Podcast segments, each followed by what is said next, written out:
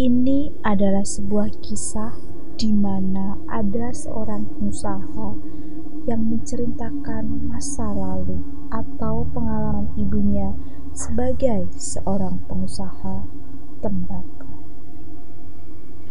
Dalam kisah ini, pengusaha menceritakan bagaimana sang ibu untuk bekerja merintis usaha tembakau yang akhirnya ada waktu di mana sang ibu mengalami pengalaman mistis yang sampai sekarang tidak bisa dilogika oleh akal pikiran manusia. Dalam ceritanya, sang ibu selalu memberikan nasihat pada anaknya untuk selalu berdoa saat akan melakukan pekerjaan, karena dalam pengalaman sang ibu, si anak ini selalu mengingat nasihat ibunya tersebut. Untuk menghargai privasi, tim historikal akan merahasiakan namanya. Sebut saja Bapak Roy. Dan tempat kejadian ini hanya merujuk pada cerita bapak tersebut.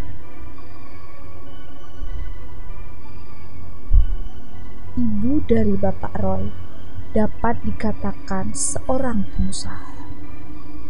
Mulai dari dia masih perawan, karena kakek dari Bapak Roy juga adalah seorang yang kaya raya di sebuah desa pada masanya itu. Kata Bapak Roy, didikan kakek itu memang sangat orientasi sama yang namanya pengusaha atau bakul itu tadi. Keras. Ibu saya bilang disuruh cari rumput untuk kuda waktu dulu sebelum berangkat sekolah agar dapat uang saku karena kakek orangnya mengajari anaknya untuk merasakan gimana cari uang, tutur Pak Roy. Karena sang kakek dulu memelihara kuda di rumahnya.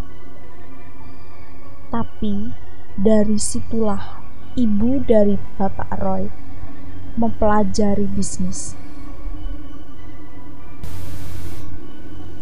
Melalui cerita dari Bapak Roy, dari situlah ibunya selalu diajari sang kakek untuk diajari berbisnis tembakau.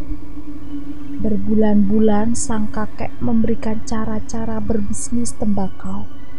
Sampai suatu ketika ibu dari Pak Roy sudah siap untuk meneruskan usaha tembakau itu. Sang kakek tergolong orang yang sangat hati-hati. Kalau dirasa belum mampu, beliau tidak akan memberikan kepercayaan walaupun kepada anaknya. Dari situlah pengalaman mistis ibu Pak Roy ini berasal.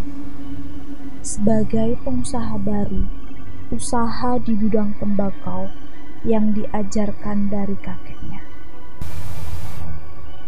Berbulan-bulan sang ibu menguasai pasar di wilayahnya, yaitu suatu kota di daerah Jawa Timur. Yang waktu itu di wilayah tersebut sangat melimpah hasil bumi berupa tembakau. Di situ banyak sekali petani tembakau. Ibunya sangat menikmati perjalanannya, walaupun saat itu masih bersekolah di salah satu SMK di kota tersebut. Ya, seperti yang diceritakan Pak Roy, ibunya saat masih perawan di masa sekolah dulu sudah bisa membeli motor baru. Candanya di sela cerita yang dia bagikan. Seperti biasanya, ibunya berangkat untuk menjalankan bisnisnya Selain menjual tembakau hasil produksi keluarga, beliau juga membeli dari petani yang tidak punya sarana untuk mengangkut hasil buminya ke pabrik-pabrik rokok.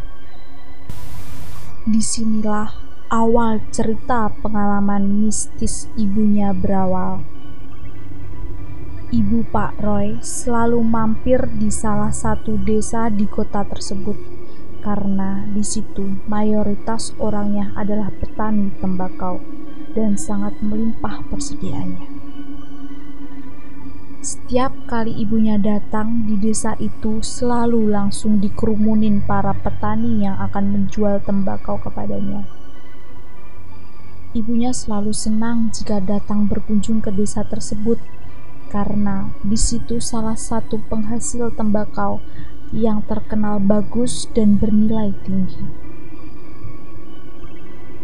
Tapi suatu ketika ada hal yang sangat aneh tidak bisa dilogika pikiran manusia. Saat itu, ibu Pak Roy beserta karyawannya singgah di desa tersebut. Kejanggalan mulai terjadi. Beberapa orang yang biasanya menghampiri di pinggir jalan untuk menawarkan hasil panennya. Tapi pada hari itu, tidak ada seorang pun di desa tersebut yang keluar rumah. Karena truk yang dibawa masih dalam keadaan yang longgar.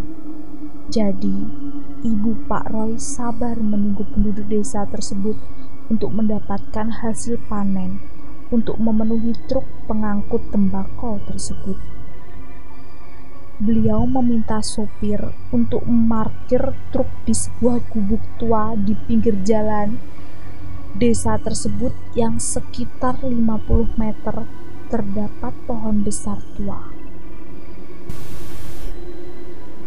Di sini tidak seperti biasanya. Di mana ya para warga? Kata ibu Pak Roy. Ibu Pak Roy dan karyawannya memang selalu sampai di desa itu pada malam hari. Karena sebelumnya beliau mengunjungi desa lain untuk membeli tembakau. Suasananya terlihat sunyi, di mana jam menunjukkan pukul 8 malam. Sampai jam menunjukkan angka 9, beliau beristirahat di gubuk tersebut sembari bercengkrama dengan para karyawannya untuk menunggu para warga yang ingin menjual tembakaunya. Tapi para warga masih tidak ada satupun yang keluar rumah untuk menawarkan hasil panen. Tapi tidak beberapa lama kemudian ada seorang lelaki tua dari kejauhan yang lewat menghampiri. Setelah semua terdiam melihat orang ini dengan wajah yang putih pucat dan bibir yang terlihat membiru, dan selalu melihat ke bawah. Pak, sapa ibu Pak Roy yang memberanikan diri menyapa. Tapi bapak ini tidak menjawab. Disapa lagi, Pak, tidak menjawab. Disapa lagi, Pak.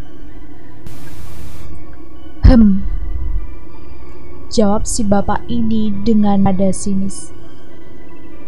Tapi bapak ini menjawab sembari memalingkan wajah ke sudut lain, tidak mau melihat ibu Pak Roy.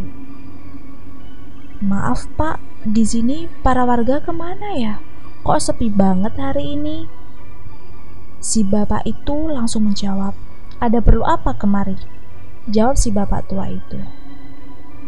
Saya mau membeli hasil tembakau dari warga di sini pak, tapi hari ini kok sepi ya?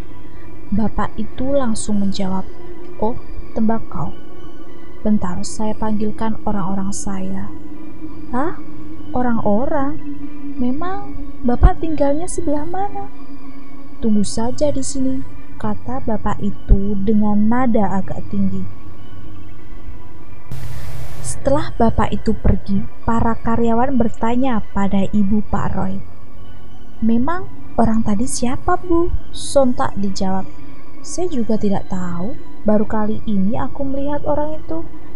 Para karyawan yang berjumlah lima orang juga saling bertanya. Itu tadi siapa ya? Kita kok tidak pernah melihat? Iya, baru kali ini aku melihat orang itu, tegas salah satu seorang karyawan. Ibu Pak Roy lalu menjelaskan pada karyawannya bahwa orang tersebut akan memanggil orang-orangnya dan tidak tahu maksudnya itu apa.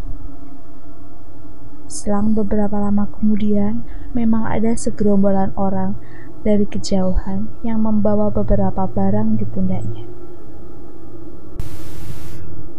Ya, itu adalah bapak tua yang tadi menyuruh ibu Pak Roy untuk menunggu dan semua orang itu mempunyai kejanggalan yang sama, yaitu mempunyai ciri fisik dengan wajah yang terlihat putih pucat serta bibir yang membiru seperti mayat.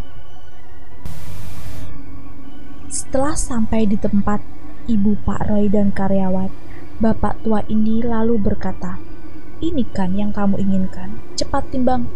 Suruh bapak tua kepada ibu Pak Roy sangat-sangat mengherankan di mana orang-orang si bapak ini tidak habisnya silih berganti menghampiri dan semua memikul tembakau yang sudah siap ditimbang. Bahkan para karyawan ibu Pak Roy sampai kewalahan menimbang satu persatu tembakau tersebut.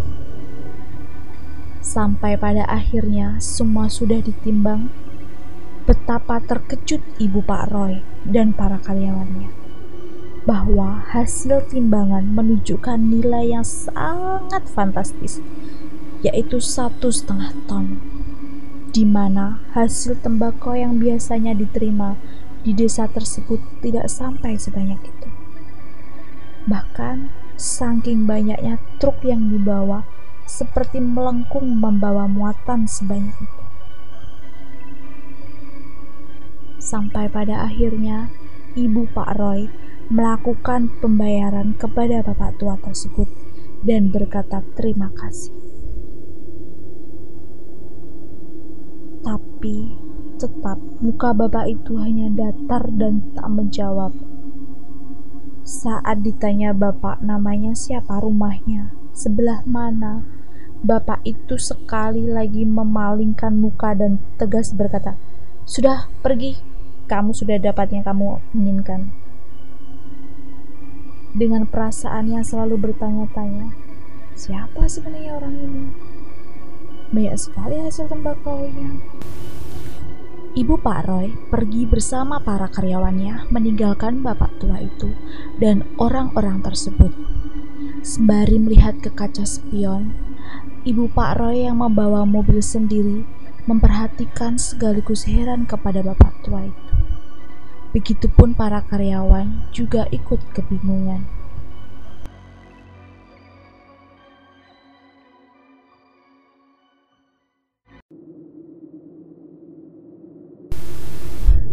Sesampainya di rumah, Ibu Pak Roy menyuruh para karyawannya untuk mengirimkan hasil tembakau hari itu untuk dikirim langsung ke pabrik rokok di daerah Jawa Tengah. Pengiriman tembakau tersebut memang dikirim malam hari karena sistem pabrik rokok yang menggunakan antrian mulai dari pagi jam 7 dalam menerima tembakau-tembakau yang dikirim orang-orang. Sul, kamu kirim ya itu ke Koa Halung. Kirim sekarang ya, biar dapat antrian pertama. Tegas Ibu Pak Roy kepada Samsul karyawannya. Siap Bu, jawabnya. Para karyawan bersiap untuk mengirimkan hasil tembakau tadi ke pabrik yang dimaksud. Mereka sudah terbiasa dengan jadwal pengiriman tembakau yang dilakukan pada malam hari. Setelah memberikan perintah kepada karyawannya, Ibu Pak Roy masuk ke rumah dan beristirahat. Tetapi setelah kejadian yang dialami di desa itu, Ibu Pak Roy merasakan bahwa ada sesuatu yang aneh dengan truk pembawa tembakau yang dibawa para karyawannya. Saat berangkat, beliau melihat ada sosok yang berdiri di samping truk tersebut. Tapi menurutnya itu bukan para karyawannya. karena saat itu semua karyawannya sibuk untuk mempersiapkan truk seperti merapikan bawaan dan mengecek semua bagian truk agar tidak terjadi hal yang tak diinginkan. Pukul 12 malam hari, truk pun siap dan para karyawan berangkat untuk mengirimkan hasil tembakau tersebut. Memang benar firasat ibu Pak Roy Beliau yang tidur di kamarnya merasakan hatinya tidak tenang saat tidur. Tepat pukul jam 2 terbangun, beliau bermaksud mengambil air minum ke dapur untuk menenangkan hatinya. Sesuatu terjadi saat beliau di dapur. Tanpa sengaja gelas yang digenggamnya jatuh dan pecah. Ada apa ini? Ya Allah, lindungi semua orang yang aku cintai tegas firasatnya. Beliau pun langsung duduk di ruang keluarga.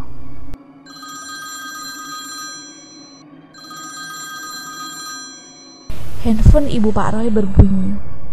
Ternyata Samsul karyawannya yang menelpon.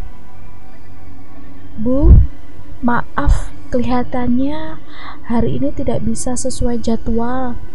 Ban kami bocor di jalan, Bu. Samsul dengan nada di telepon yang terlihat ketakutan. Iya gak apa-apa, yang penting hati-hati Sul.